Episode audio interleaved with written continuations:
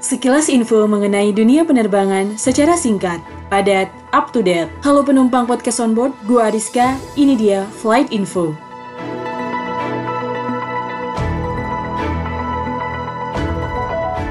Flight information pada pekan ini adalah Clear Air Turbulence atau CAT yang didefinisikan sebagai turbulensi parah yang tiba-tiba terjadi di daerah tak berawan yang menyebabkan hentakan keras pada pesawat.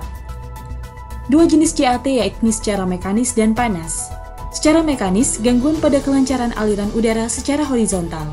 Panas, turbulensi yang disebabkan oleh arus vertikal udara di atmosfer yang tidak stabil. Penyebab umum dan sumber CAT adalah jet stream dan medan penerbangan. Jet stream adalah arus udara yang bergerak secara sempit dan cepat yang biasanya terjadi di tropopause. Tropopause yakni batas atmosfer antara troposfer dan stratosfer. Jet stream berbentuk dorongan angin yang bergerak westerly, yaitu dari barat ke timur dalam sebuah koridor. Jet stream bisa mulai muncul, berhenti, dan bahkan terpecah dengan membentuk beberapa aliran angin ke arah yang saling berlawanan. Radar cuaca masih belum dapat mendeteksi secara pasti keberadaan CAT dengan jet stream yang bervariasi ini. Fenomena alam ini tidak dapat dilihat secara visual. CAT umumnya terjadi di ketinggian sekitar 40.000 kaki.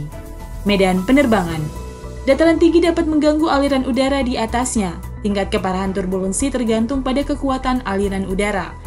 Kondisi medan seperti pegunungan, laju perubahan, dan tingkat kemiringan dataran tinggi di sekitarnya. Dalam hal ini, tentu saja flight crew akan melakukan prosedur perusahaan sesuai dengan aturan yang berlaku dan aturan internasional.